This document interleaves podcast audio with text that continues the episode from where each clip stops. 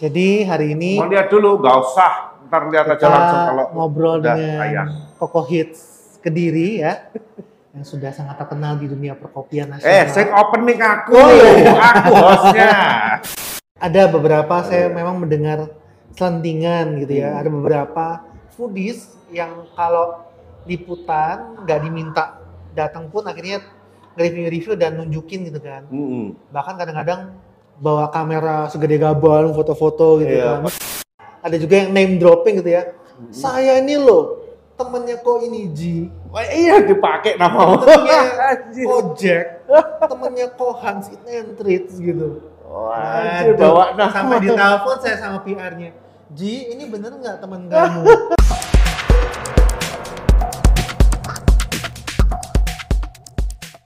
Jiwa Fieri, ya, a.k.a. ini Ji. Ini Willy dia. Sagwo. Number one coffee, eh kok coffee blogger. Number one food blogger in Surabaya. In Surabaya doang. Astaga. Masih kurang luas, Pak. In Jawa Timur nih, berarti nih. Wah. Saya itu menang influence Asia loh Pak tahun Wah, dua- gila. 2015. Oke, 2015 itu titelnya apa berarti? Top food influencer Top in Indonesia. influencer In Indonesia. Yes. Gila. Jadi nggak cuma Surabaya, guys.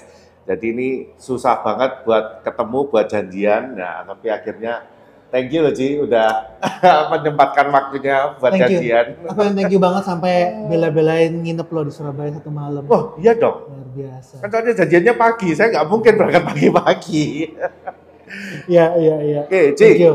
ini mungkin kamu lupa ya, kita sebenarnya kenal itu itu udah lama banget dari zaman Twitter. Betul, dari zaman Twitter. Dari zaman Twitter yang lu masih belum jelas lu itu posisinya atau profesinya ngapain, masih Iya. tukang nyamber-nyamberin Twitter, Betul. ya kan? Terus kita sebenarnya pernah ketemu Ji. Ini Kamu inget gak?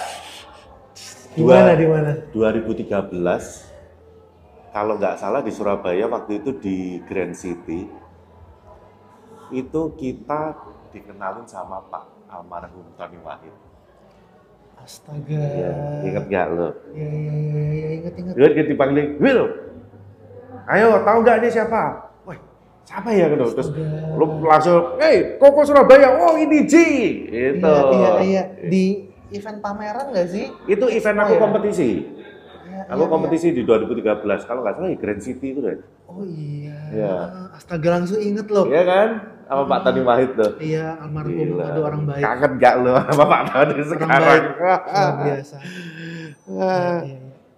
Ten years later. Ten Iya, iya. years later. Akhirnya ketemu lagi sekarang dan kita ngobrol di podcast yang kita sebelumnya juga nggak tahu kita mau bahas apa sih, Ji. Iya nggak ngerti. Tapi yang penting kita ngobrol aja lah ya. Ngobrol. Oke. Ji, ini kan hari ini kamu ini kan udah ngehit sebagai food blogger nih, terutama di IG ini kamu udah lagi top top Amin, ya. amin. Tapi padahal waktu kita awal-awal kenal waktu dulu itu, zaman main Twitter itu, itu lu ngapain sih sebenarnya? Kan belum belum sampai kayak begini. Oke, mungkin kalau kita tarik mundur, pertama Hmm. kali di Twitter itu sebenarnya saya sudah uh, punya blog, uh, food blog review ya, food review blog sorry. Jadi oh, udah ada, ada sudah blog ada ya. di iniji.com, tapi seiring dengan perkembangan sosmed ya, kan kita ngikutin ya. Saya dulu Hmm. dari zaman pertama kali itu, mungkin banyak teman-teman yang ngerti nih ya, Hmm. dari zaman Friendster pak, dari zaman Friendster. Anjir, zaman Friendster. Iya, pastinya ya kakak.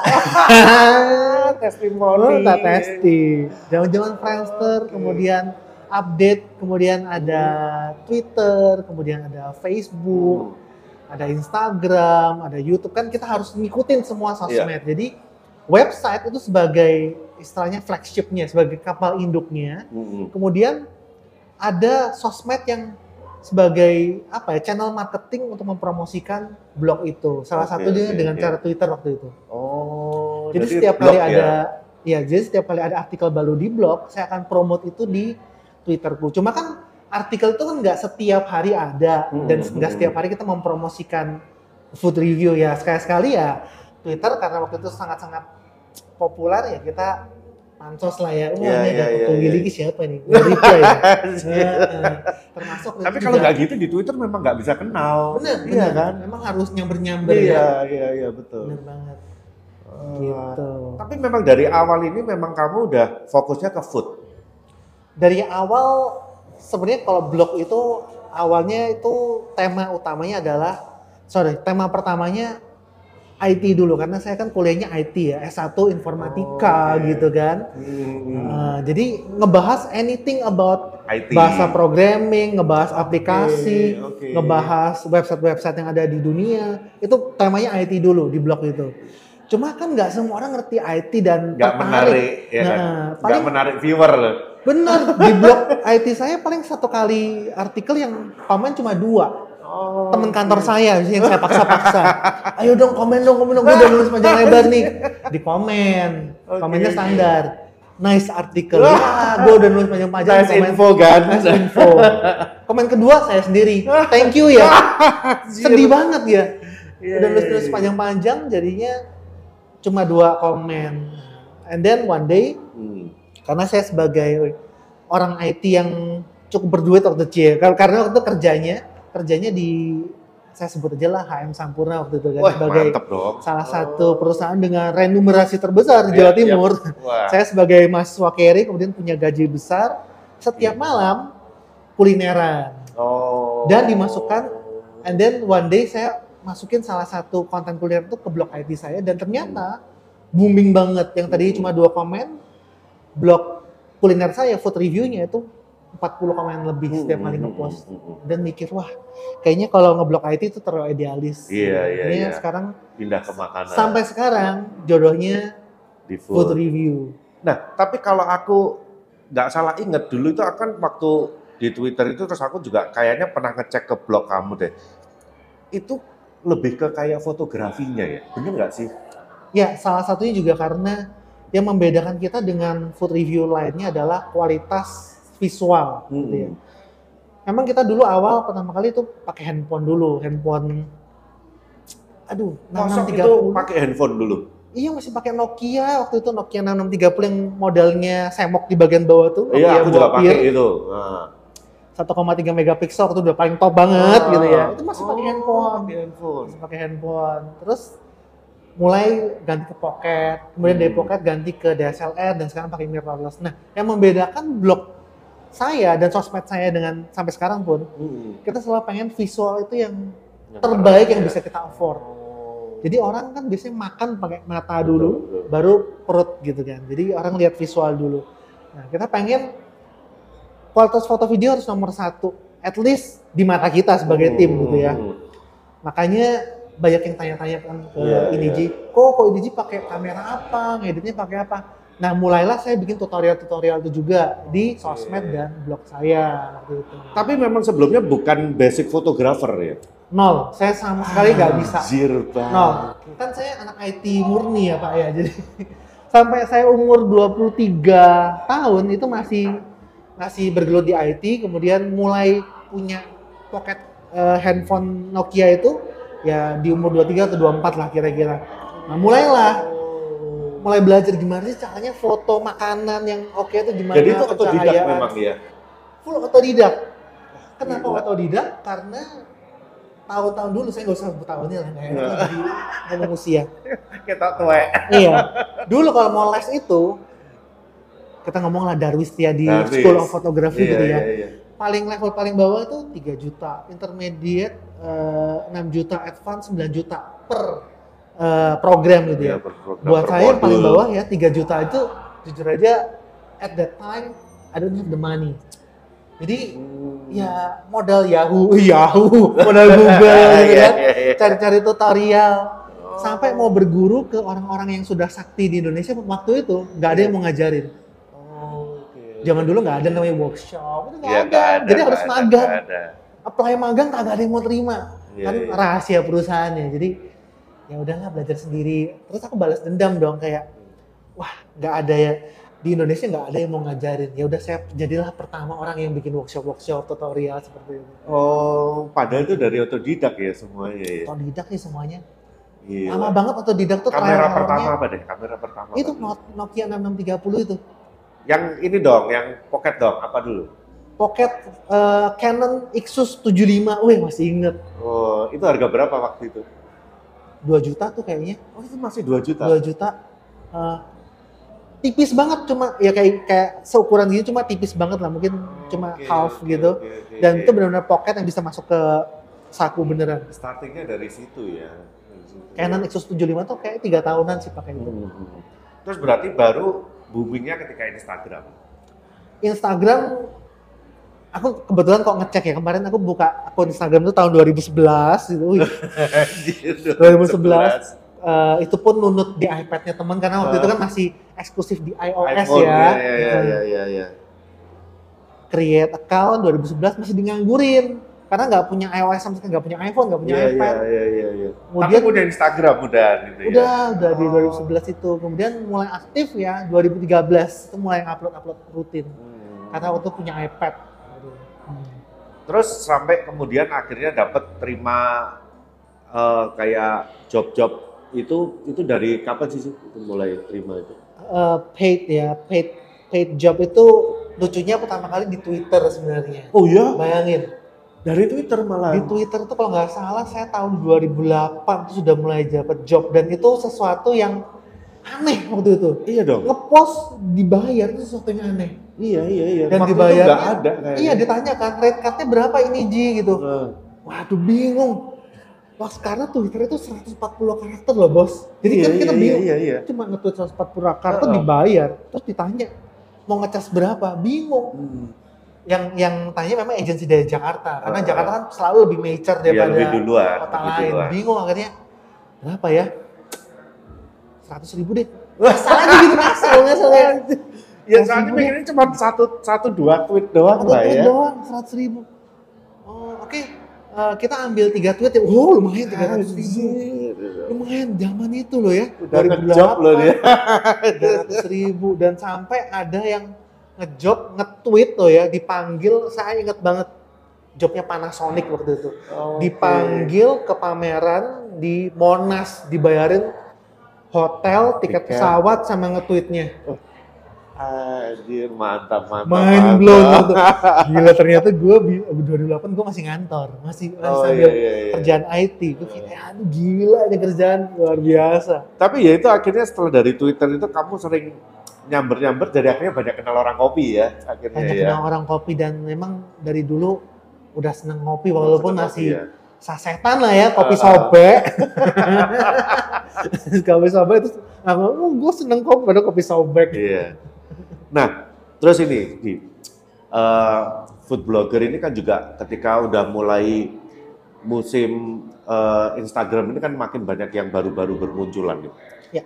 Terus aku itu pernah ada temen eh, yang punya usaha makanan, dia sering ngobrol-ngobrol eh, sama sesama eh, pemain makanan juga. Katanya sampai di Surabaya ini ada food blogger yang nggak diminta, tapi dia datang ke mama ini eh, ada tempat jual bakso gitu ya, makan di situ. Makan pas waktunya bayar dia bilang, Ai, ini aku nggak bayar ya, nanti tak masukin ke Instagram kok. Ada ada kayak gitu loh sih katanya.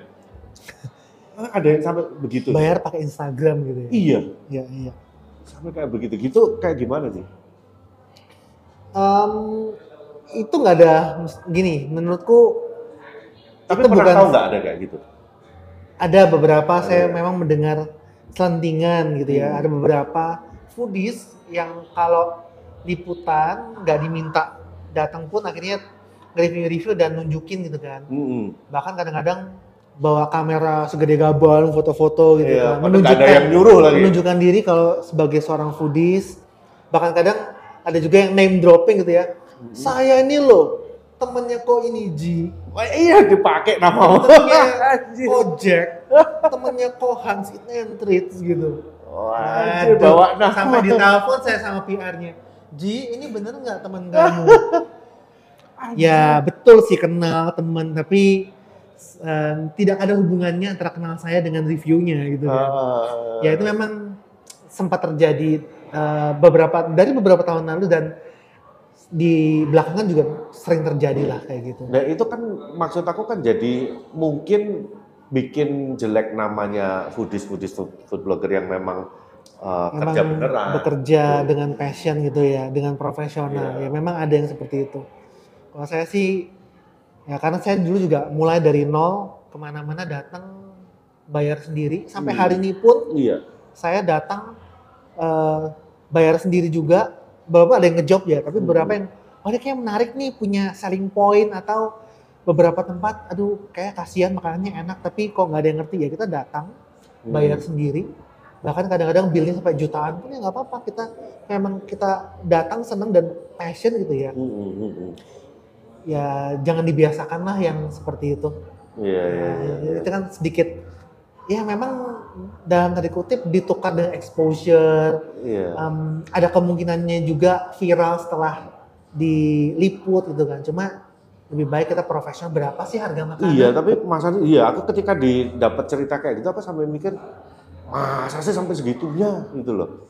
Ya, ya, Hmm. ya kadang-kadang miris lah. Ya berapa sih harga makanan paling ber- bakso berapa sih? Kemarin kita makan berapa? 15 ribu kan bakso. Hmm. Ya udahlah bayarin 15 ribu nggak apa-apa gitu. Iya. It's Memang okay. niatnya ke sana buat makan ya lu bayar lah Hmm. gitu loh. Bener, bener, bener. Dan kalau memang niat baik pengen ngangkat uh, industri F&B, Mm-mm. memang kita ngeliat ada potensi beberapa UMKM yang belum terekspos ya udah kita bantu lah ya.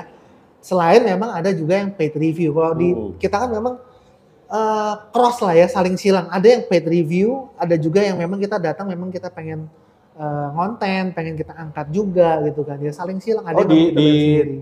Platformmu ini juga memang ada yang nggak nggak dibayar juga nih. Memang Ada yang- juga, ada memang juga. kamu ke sana buat review itu juga ada. Ada juga. Heeh. Kayak gini abis ini kan eh, ini depan aku ada tim kan. Abis ini kita akan ke salah satu bakso juga di Surabaya. Oh gitu. Jadi memang ya eh, karena kamu juga memang punya platform yang memang bagus dan memang eh, followernya gede, kenapa nggak dipakai buat ngebantu UMKM itu Benar, juga benar. sih ya? Dan kerap kali kita kalau review kadang dapat job misalnya ke Semarang atau ke Jogja gitu ya. Ya dapat job dari salah satu, salah satu restoran yang bayaran cukup lumayan, dibayarin hotel dan pesawatnya juga. Tapi in between of the job kita juga ngemper, nyari Hmm. makanan-makanan tradisional yang kita bisa angkat juga. Tapi kan juga biasanya gentle agreement juga dengan yang ngundang. Kita bisa ngomong, Pak, Bu, selain di restoran ini saya juga ada konten ngemper juga nggak apa-apa ya yang lain-lain. Ya, oh ya nggak apa-apa gitu. Hmm.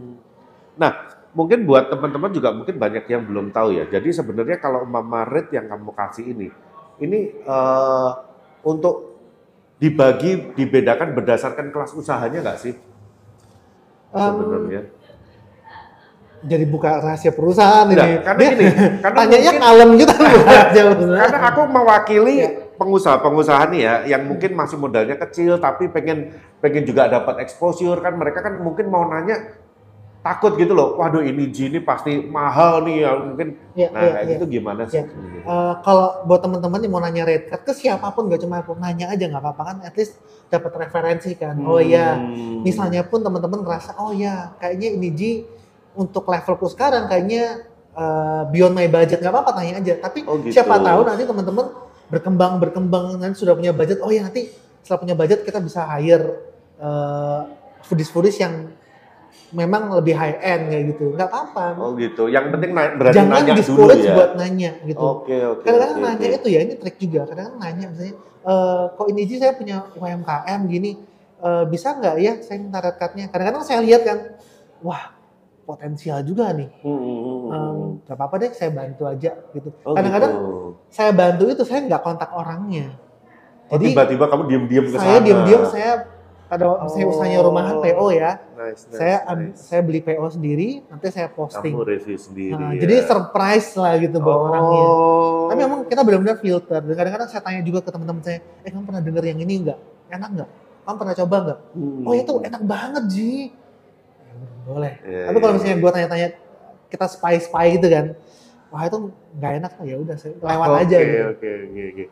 Oh, jadi kamu masih mau berbuat kayak gitu ya buat bantu. Ya, saya berani berbuat pak. saya, saya pun juga pernah dibantu kok. Ah. Waktu itu eh, kopi ini ya Pak and Brew itu ya. Oh iya. Di Itu- mau kirim kopi? Nah, ya kirim, kirim. Terserah dia mau di review atau enggak. Wah, ternyata di post gila. Pak Andrew loh berkesan Pak sekali itu ya Andrew. Pak ya. Ya, cuman udah selesai. Karena hubungan kita udah selesai Iya, ya. iya, saya tahu kok, saya tahu. Produknya juga ikut selesai. Aduh. gitu. Jadi nggak nggak semua is all about paid ya. Tapi memang kalau di Iniji kita memang ada level-level ini ya. Kalau yang buat level kota itu dengan brand nasional pasti beda gitu kan. Kan ada beberapa yang kita sebut lah misalnya eh, kalau mie ayam lokal dengan endorse Indomie company Ah, pasti beda beda price. Iya, iya, iya, iya. iya. Tenang aja kita pasti ngasih yang terbaik ya. Jadi kalau seumpama mau minta bantuan ya, let's say kalian nggak punya budget, coba aja dinego juga nggak apa-apa kok. Nggak apa-apa. Aduh, kok Oke. ini aku cuma ada budgetnya segini, tapi minta tolong ini usaha pertamaku. It's okay, coba aja ya kan. Coba aja, coba aja. Jangan, jangan pernah takut untuk nanya-nanya red card Hmm. gitu lah. Kadang-kadang orang sungkan kan, Iya takut loh, Ci. kopinya aja di common ground. Enggak, enggak apa-apa lah. Takut loh orang itu kadang Hmm. itu cuma pada cuma mau nanya doang gitu ya. It's okay. Tapi pernah nggak eh, kamu dapat paid promote nih ya? Nah, Eh Jom, terus kamu cobain, terus menurutmu taste-nya kurang sih? ya oke. Eh, kurang itu kan kita berusaha quantify ya. Kurang itu berapa? Selama skornya itu di atas 70 gitu ya. Misalnya kita internal punya skor lah ya. Ah, Skor penuh perfect 100 kan nggak mungkin. At least 70 ke atas. Oke lah. Kalau di bawah 70, itu parah sih biasanya. iya itu Itu terus parah. gimana dong? biasanya gini kita ngomong dulu ke Ah. orangnya "Eh, sorry nih gitu ya Ah, kayaknya harus diimprove dulu kita kasih feedback oh ya ini kayaknya makanan ini kenapa kita kasih alasan keluarnya lama makanannya terlalu pedas Oh gitu. atau keluar steaknya masih jangankan medium ini nggak mateng gitu kita kasih feedback Oh, dulu kamu kasih feedback dulu Ah. ke dia. pas zaman zamannya covid kemarin kan banyak tuh orang-orang bikin usaha rumahan Hmm. yang dadakan gitu ya Hmm. Ngerasa di rumah makanan sudah approve terus jualan itu banyak banget tuh kita terima kiriman um, sorry to say nggak belum sesuai standar lah ya kita dalam hati kita kita pengen bantu gitu tapi Hmm. nggak sesuai standar kadang ya udah kita kasih feedback ini kayaknya harus diimprove dulu Jadi sebelum improve, kamu nggak akan post itu dulu, nggak akan bikin coba diimprove dulu. dulu. ya? Oke. bayar nggak bayar sebenarnya coba Iya, diimprove dulu nanti kirim lagi kita Hmm. tes lagi kalau udah oke Hmm. tim internal sudah oke baru kita ajar. Nah kadang-kadang juga kejadian kan nggak semua yang datang ke lapangan aku ya kadang-kadang beberapa Hmm. kasus itu tim aku yang datang mereka oh ini nggak oke nih Koji gimana? Aku akan datang kedua kali ke sana aku bayar sendiri. Hmm, hmm. Oke masih masuk kok ini nggak apa-apa puas aja gitu. Jadi kita oke. recheck lagi. Ya, ya. Nggak semuanya it's all about money ya. Karena kalau kita paksain ngepost itu akan hurting all parties semua. Iya. semua orang akan kena eh, part nggak enaknya. Brand jadi customer terutama ya follower kita yang datang ke tempat itu akan ngerasa ini Ji dibayar. Begitu Udah kita nyobain, ah cuman gini Zong. doang. zong fail banget. Dia customer udah kecewa follower udah kecewa.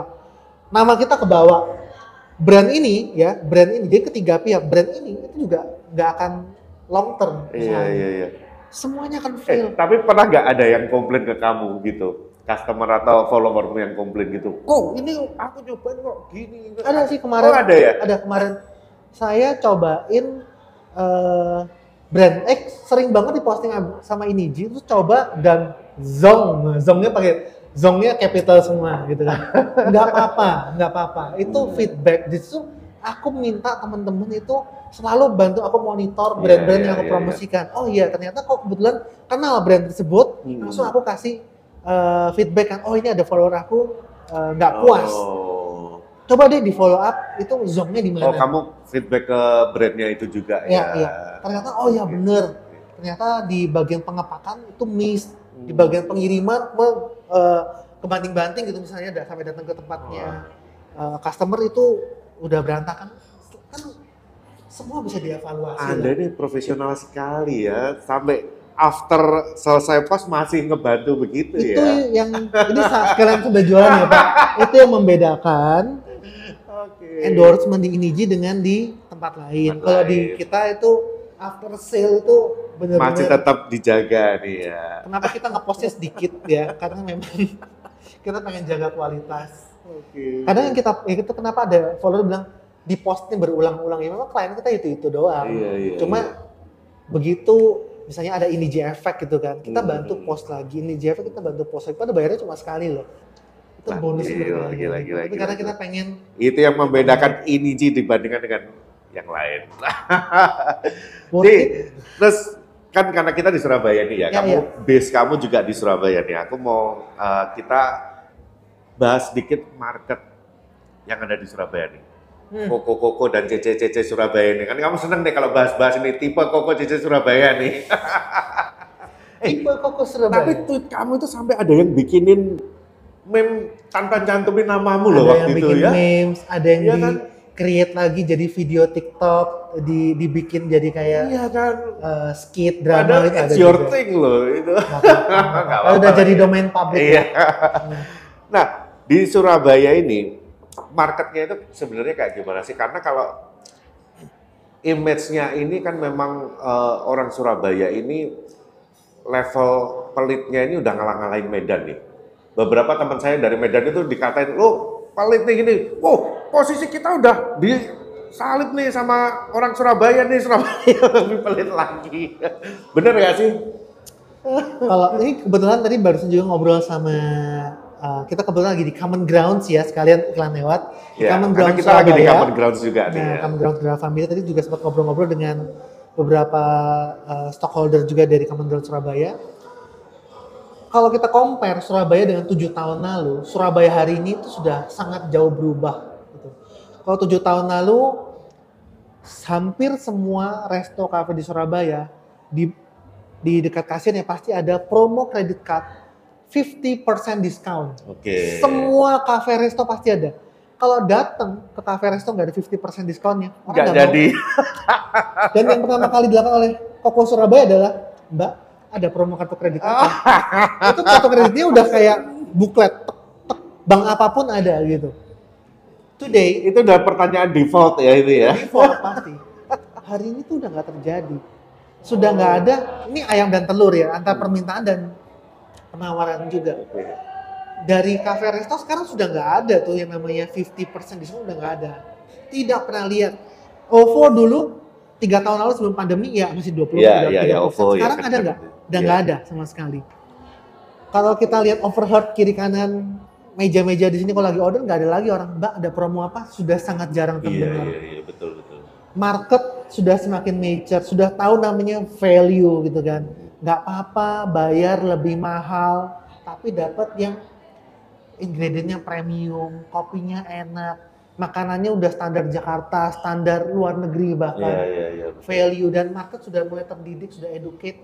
Orang-orang Surabaya sudah sering eh, traveling ke luar negeri gitu ya, sudah sering ke Singapura, ke Tokyo, ke Eropa, ke Melbourne, udah Jadi tahu. potensinya gitu. udah udah lidah nih ya. sudah tereduket, sudah naik level. Jadi begitu datang makanan yang memang mahal tapi begitu makan, wah ini worth it gitu. Sudah sudah nggak ada komplain-komplain seperti itu Oke. lagi. Plus juga in the last one year brand-brand Jakarta udah mulai masuk. Iya.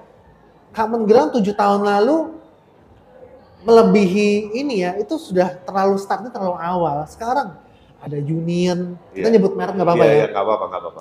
Ada Union kemarin eh, minggu lalu ada Alba buka Zone ada Core and Screw ada eh, Osteria Gia Mr. Fox gila, mantap. Butterman mantap. after this Berarti ini Surabaya ini udah berubah nih ya marketnya ya. Ini ya. sudah berubah Wes, ini kan orang Surabaya jadi mempromosikan market Surabaya.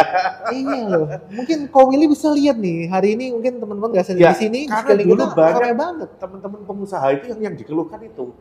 Surabaya itu ya kadang kalau tempat baru aja doang itu ramai terus lagi Eh, itu masih, itu masih. Oh, itu masih ya. eh, itu masih jadi kalau memang honeymoon phase yang tiga bulan pertama itu masih jadi Hmm.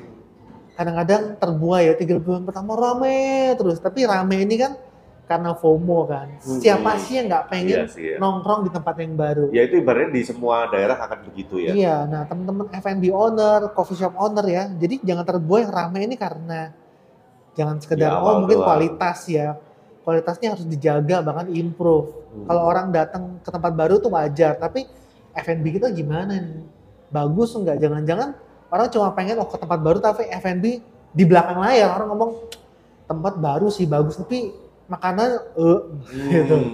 Nah, kayak tadi itu aku juga barusan ngobrol sama Richard ya tadi ya. Hmm. Dia juga bilang di Surabaya ini marketnya ini eh, masih ke lifestyle, bukan ke produk. Bener gak sih? lifestyle iya masih Hmm. Em, makanya beberapa brand Jakarta megang banget kan karena itu lifestyle punya gengsi lah ya Iya, nongkrong iya, tempat-tempat iya, yang brandnya bagus gitu Hmm. makanya gue bilang selain kita ngomong dua hal ya ini udah mulai kayak dosen misalnya konten dan konteks Oke. konten tuh apa F&B-nya kualitas eh, makanannya harganya struktur harganya pricing eh, servisnya itu kan core product gitu ya Hmm, itu hmm. konten konteks itu apa dekorasinya Hmm. kemudian lokasinya ada di hari ini kita ada di eh, samping lapangan golf gitu ya Hmm. orang-orang yang hadir di situ scene to be seen tuh kan Iya, wah iya, ternyata iya. di sini ada koko-koko hit Surabaya juga nih gue seneng nih ya, Iya. bisa kenalan itu itu konteks itu kan Oke. ada lokasi ada di mall yang bagus yang yang premium itu konteks jadi eh, brand gitu ya brand juga konteks gimana orang ngerasa kalau datang ke tempat yang brand yang bagus dia juga ngerasa sebagai orang hits gitu Oke. jadi itu satu kesatuan udah nggak bisa nggak dipisahkan bisa ya. nggak bisa nyinyirin ah itu mah brandingnya doang mah keren gitu itu nggak bisa satu kesatuan Iya, udah iya, iya. Udah udah satu whole package gitu ya Tapi walaupun tempatnya keren, tapi kalau mama nggak ditunjang sama produk yang bagus pun juga paling cuma di awal doang sih ya. betul itu core product gimana pun eh, ini ini ayam dan telur ada orang ngejar konteks dulu ada orang ngejar konten dulu in the end keduanya harus balance Hmm. terserah mana yang mau dikejar duluan nggak apa-apa kan kita nggak bisa bilang eh, kita harus mengakui kalau rame itu harus namanya juga Iya. Bisnis ya. Nggak, kalau zaman dulu kan orang, Koji saya pengen nyari dong coffee shop yang yang nggak rame. Oh nggak bisa dong, enak aja.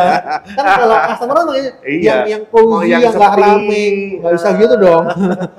saya sebagai jembatan antara customer dan F&B owner ini merasa tergelitik dengan dengan inquiry semacam itu. Tapi dulu juga pernah ada temen buka coffee shop di Jakarta kan, temen dia kan sepi kan. Wah, gua kayaknya nggak tahan lama nih, sepi banget nih. Sekalinya dapat eh, bintang 5 di Google, wah enak banget tempatnya, sepi, bisa belajar, bisa kerja di sini. Iya, ya halo, ini ownernya cekot-cekot deh. iya. Lu seneng kita pusing. Iya, jadi ya, itu whole package lah. Jadi memang eh, kedua sisi ya, memang yang kejarannya memang harus rame dulu. Itu memang karena ya kalau kita ngomong eh, dari kontennya, F&B enak bisa rame nggak bisa, dari branding bisa rame nggak bisa. Tapi in the end kalau misalnya ini kan kita ngomong PR ya, misalnya Hmm. F&B-nya udah oke, brandingnya kurang ya, brandingnya harus di di di dipupuk terus, either itu lewat sosmed atau secara uh, brand identity itu bisa dibenerin. Atau brandnya udah naik, tapi orang masih nyinyir nih, ah ini makanannya gitu-gitu ya, ini perbaiki dong gitu. Hmm. Dan itu in the long run, gue lihat beberapa pemain di Surabaya maupun di Jakarta gitu ya, itu sudah mulai paham untuk hal-hal Hmm. menyeimbangkan ini. Iya, iya, iya, iya. Jadi nggak bisa juga melulu hanya eh, ngandelin produk dulu, tapi di, harus juga nguatin brand, eh, harus berani promosi, harus berani endorse juga nih ya. ya Gitu. inovasi juga ya Inovasi, nggak ya. bisa kalau zaman dulu resto-resto zaman dulu misalnya saya nggak usah nyebut merek lah yang yang udah legend-legend di Surabaya ya stand still aja gitu ya Ya produknya itu aja ya. itu bisa tapi kita hidup di zaman yang totally different yang Hmm. inovasi itu harus ada menu-menu baru gitu itu harus ada nggak bisa dengan menggunakan menu-menu yang sama Betul. setiap bulan harus inovasi Eh, teman kita di kolabora itu quarterly ya kalau saya nggak salah setiap tiga atau empat bulan tuh dekorasi Iya, diganti iya, iya, iya, ya. betul. dekorasi ganti menu juga ada menu baru itu bikin orang yang tadinya udah lama nggak ke coffee shop itu Jadi tergerak. lagi. ada iya, alasan iya. kita creating reason buat orang tuh datang karena kalau kita nggak create reason orang datang F&B baru itu banyak banget tiap hari tuh buka baru buka baru buka baru Bahkan sekelas McD, KFC aja ya, mereka tiap periode ada produk baru, ada Harus. ada Harus ini ada. dekorasi baru apa. gimmick-gimmick gitu ya. Pizza Hut lah, itu paling sering tuh Pizza Hut kita lihat ya. Hmm. Kalau kita datang, kalau kita eh, perhatikan promonya Pizza Hut selalu ada produk baru, either itu apa misalnya pizza doughnya warna hitam, pizza Iya, iya, iya, Korea, betul, betul. Terus pizza ya ada, selalu ada. walaupun next bakal mungkin dihilangin, tapi mereka selalu create something Betul. new ya. Pas kita datang ke Pizza Hut nih, kita buka buku menu. Bahkan sebelum buka buku menu, kita di jalan mau ke Pizza Hut. Iya, iya. Tahu nggak yang di otak kita mau makan apa? Hmm. American favorit. Iya, iya, Meat iya. lover. Iya, iya, iya. Jadi promo inovasi tadi itu sebenarnya cuma pancingan aja Iya, supaya betul, kita tuh betul. datang. Datang. Itu aja.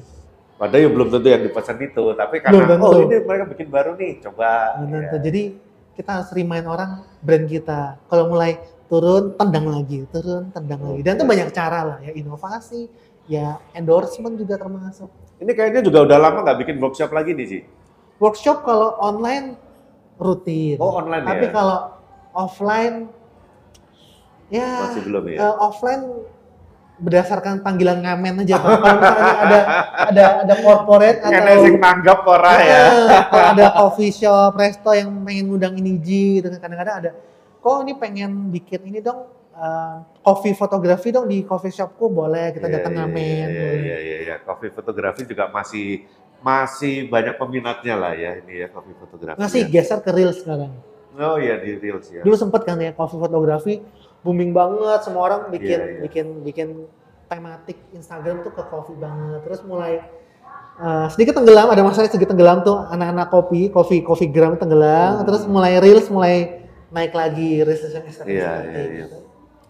Siklus Tapi ini next ini mungkin apa nih? Ini kan ini lagi musimnya kan reels ya, bikin video-video short kayak gitu. Hmm.